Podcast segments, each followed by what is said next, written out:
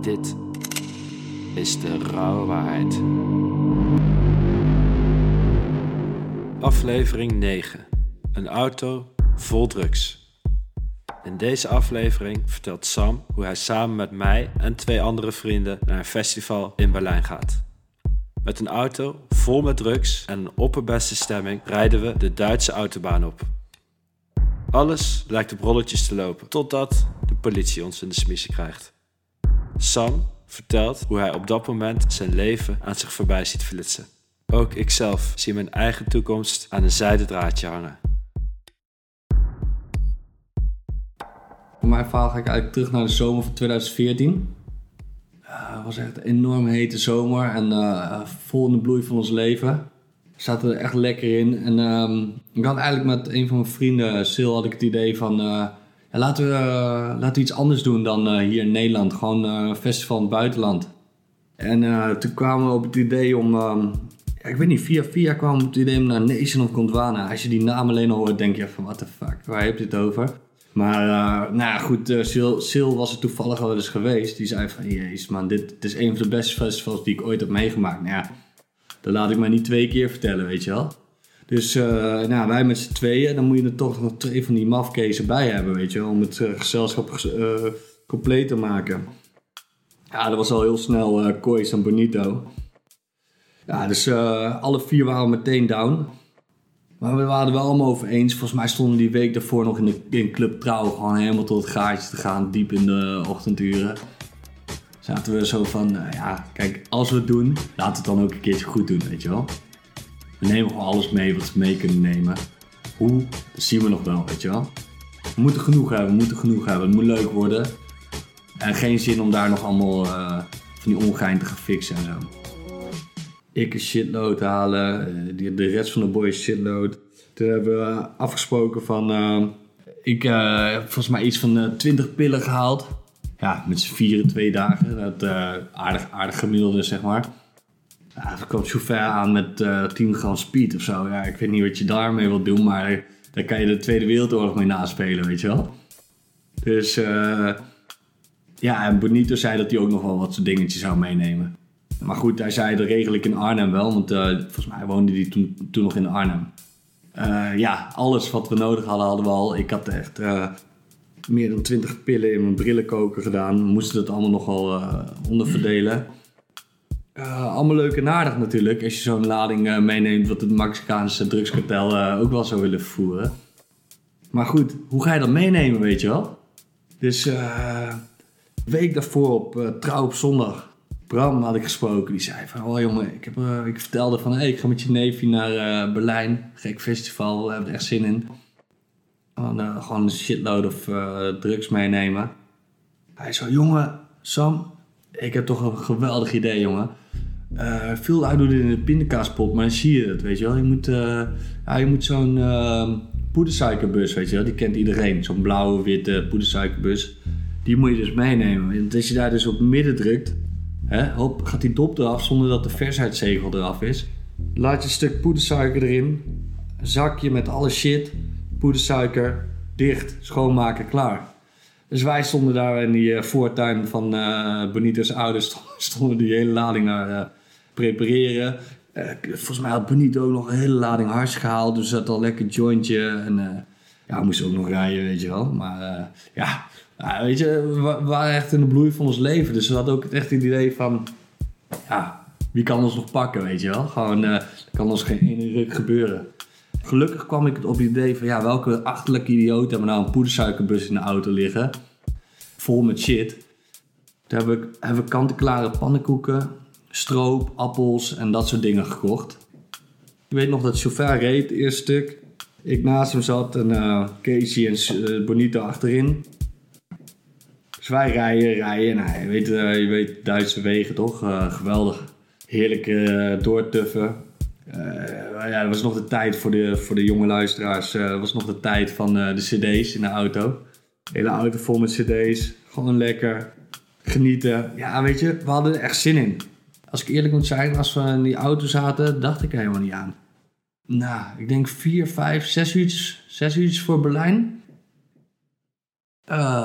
Rijden, we rijden op de snelweg. En ik, ja, we zien opeens rechts zo'n uh, ja, zo'n waffenpolitie, weet je. Die kennen wij duizenden. Ja, het zal toch niet, denk je dan, weet je wel. Dus we schieten daar voorbij. Zij staan stil langs de weg. En uh, we schieten er nog iets voorbij en hoor je Benito van... Uh, nee, hij ze beginnen te rijden, ze komen eraan. Ja, wij zeggen, ah, Benito, ik bek man, ik bek. Dat, dat, gebeurt niet, weet je wel, dat gebeurt niet. Dus, uh, nou goed, gelijk schiet je toch wel, althans als ik voor mezelf praat, ik schiet toch wel zo van, fuck, nee. Dus, uh, nou, wij rijden, normaal doen, normaal doen. Maar de, volgens mij rookte iedereen toen de tijd nog, weet je wel. Uh, dus peukje, de raampje open, lekker. Ja, het zullen de waffen niet zijn als we je niet inhalen, weet je. Dus die lui gassen, gassen. Ja, even komen ze links van ons rijden. Nou, nog niet zoveel, maar kijken, kijken. Je, je ziet echt van die...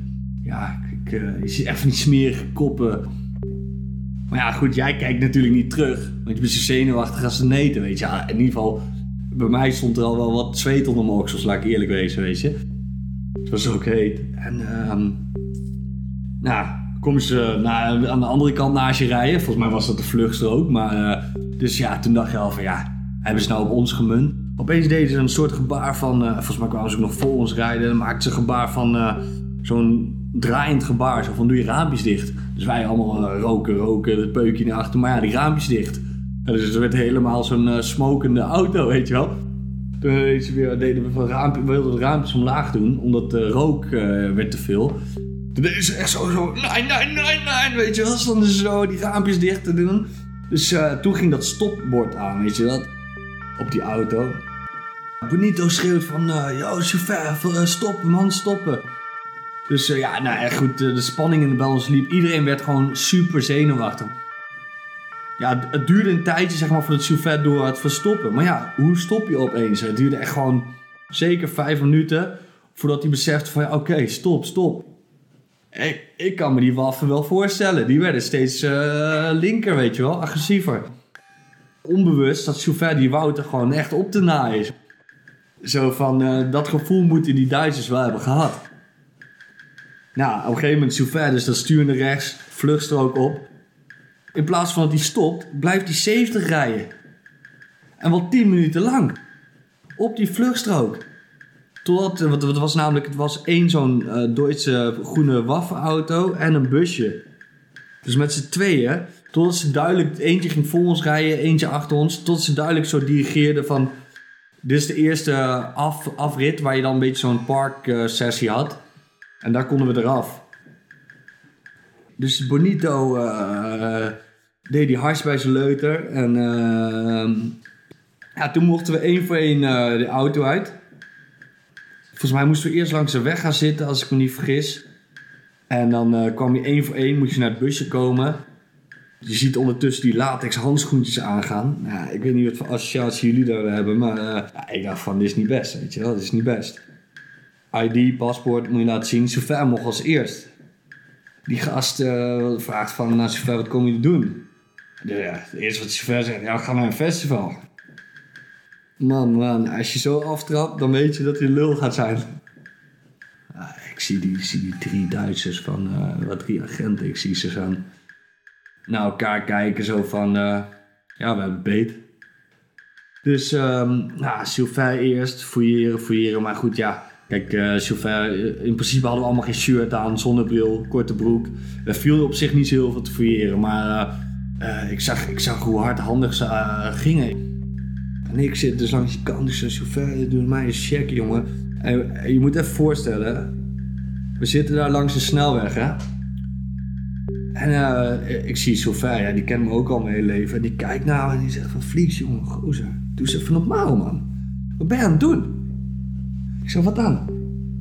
Ja, die, die gast zag gewoon hoe ik daar een shaggy binnen twee teugen weg stond te trekken en helemaal stond te shaken, jongen. Maar ja, uh, ja, weet ik veel. Uh, je probeert een beetje normaal te blijven. Dus hij zegt, uh, flink, zet die zonnebril op, doe normaal. Ondertussen zie ik de volgende naar de galg lopen, spreekwoordelijke dan, Bonito. En Bonito, ja, dit, die zou Bonito niet zijn als hij het nog mooier kon maken, dit verhaal, weet je wel. Die gast, dat wisten we toen nog niet. Die had blijkbaar een buisje bij zijn leuter verstopt. Dus hij gaat als laatste, handen gespreid, tegen die groene politiebus aan. En eh, die gaat staan. Nou, le- zoals Benito ging staan, had hij er wel zin in. Dus hij gaat staan, beide armen gespreid tegen die politiebus. En op een gegeven moment zie je die armpjes langs dat lichaam van Benito glijden richting zijn kruis. Ja, ik ben net hiervoor geweest, dus ik weet hoe hardhandig ze naar zijn kruis gaan. Maar ja, die Benito, die heeft zijn roeping gemist. Die had naar de toneelschool moeten gaan. Op het moment dat hij vol in zijn zak kruipt, zegt hij... Auw! Wat doe je nou, man, idioot? Slaat met zijn twee handen die twee armen weg van die eh, politie. Ja, wie slaat er nou agent zijn handen weg, weet je?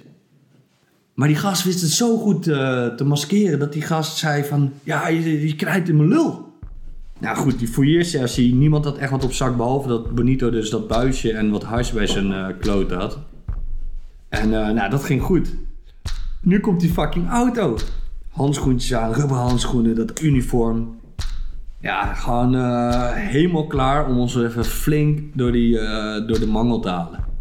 Dus ehm, ik zag ondertussen de halve plafond naar beneden komen, die versnelling spook eraf. Ik zag de ene cd-hoes naar de andere uit die auto geflikkerd worden. Ik dacht, ja, dat, dat moet je dan ook maar slikken. Maar dat boeide me ook op dat moment helemaal niet, weet je. Dat is allemaal materieel. Maar die poedersuikerbus lag bij Kees. En zonder te veel over Kees vertellen... Kees, die heeft nog wel eens niet helemaal door wat die jongen doet. Dus ik dacht, ja, misschien ligt het dan ook weer aan mij. Maar ik ging te ver doordenken. Ik dacht van, ja... Zal toch niet, zal met zijn poten op die poedersuikerbus zijn gekomen, op die appeltjes. Ja, dan heb je appelmoes, weet je, dat boeit ook niet zoveel. Maar dat die, die poedersuikerbus, zeg maar, los is gekomen en dat alles door die zak ligt. Dus ja, nou ja, als je jezelf dat soort ongeheim begint bewijs te maken, ja, dan het scheelt niet veel of ze gaan een ambulance bellen, want je krijgt echt aan je rikken dik, jongen. Dus ik zit daar, nou, checkje nummer 7 waarschijnlijk. Dus, eh, maar toen kwam dus het ergste. Met z'n drieën, ik weet niet hoe je het doet, over die achterbank. En kijk, ik denk dat dat minstens drie uur heeft geduurd, zonder het te overdrijven. Eh, en die achterbanksessie zeker een half uur, want ze deden het echt grondig. Maar dat voelde al alleen al als vijf uur. Want daar lag die shit, daar lag die dood. Je, flipt hem bijna de pan uit. En je moet nog acteren dat je niet de pan uitflipt, weet je wel. Nou, op een gegeven moment was het voorbij. En toen had ik ik eindelijk voor het eerst een beetje zo van... Maar ja, ik had mijn, eerst mijn 20 pillen in die brillenkoker voor mij. En daarna pas in die poedersuiker. Dus ik dacht, nu komt de achterbank. Toilettassen, dat soort shit. Ik dacht van... Ja, Vlieks, je zult toch nog maar één pilletje achter hebben gelaten in die brillenkoker. Dus op het moment dat je weer rustiger probeerde te worden... werd je weer helemaal zenuw. Je werd zo zenuwachtig. Toen ging die achterbak. En toen gebeurde toch wat, jongen. Het mooie was, iedereen zat langs de kant. Behalve Bonito. Die stond een beetje naast die lui. Als een soort dirigent. Zo van, hé, hey, wat sta je nou te doen, weet je wel. Ja, die weet op een of andere manier altijd dit soort situaties nog mooier te maken dan dat ze al zijn. Hij stond er een beetje zo bij. wel. Af en toe een beetje onnozel kopie van... eh, ja, eh, zoek maar lekker verder. Jullie vinden toch niks, weet je wel. Ja, al die toilettassen, alles binnen buiten gekeerd. Opeens komen we bij het toilettas van Boniet. En die agent, die trekt daar toch twee parfumflesjes uit, jongen. Glashelder met vloeibaar shit. Ja, wat ben ik blij. Want die lui wisten echt niet wat G was. GHB. Gozer had dus twee dikke kegels van een fles van mij, jongen. En er zat echt geen Ampulio Armani of eh, wat voor shit in. eh. Ja, wij keken aan. We wisten precies hoe laat het was met die mafkla- mafklapper, weet je wel. Maar goed, geluk bij een ongeluk. Die lui wisten niet wat het was. Dus ze hebben ook niet geopengemaakt, niet, en dat leek gewoon op parfum.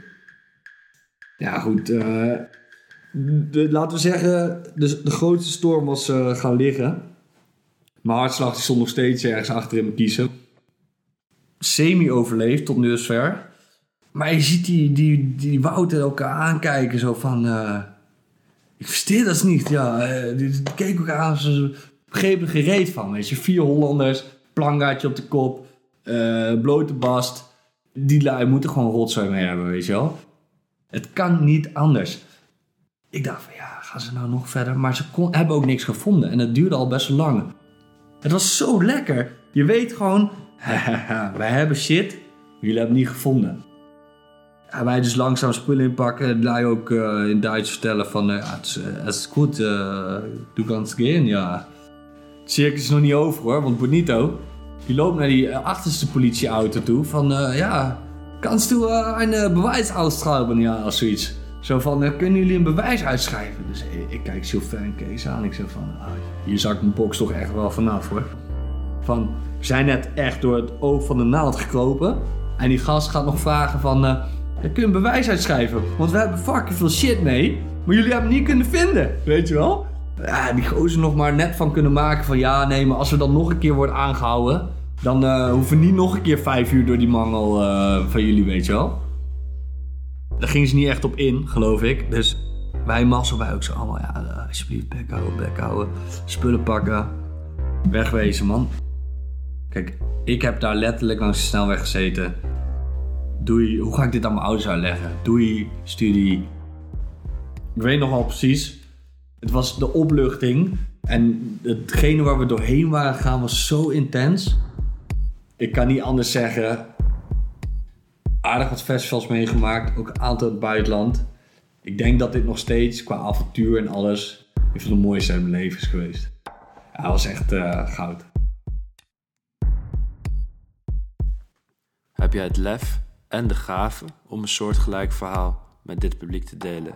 Mail dan naar info.derouwewaarheid.com of stuur via Instagram een DM naar de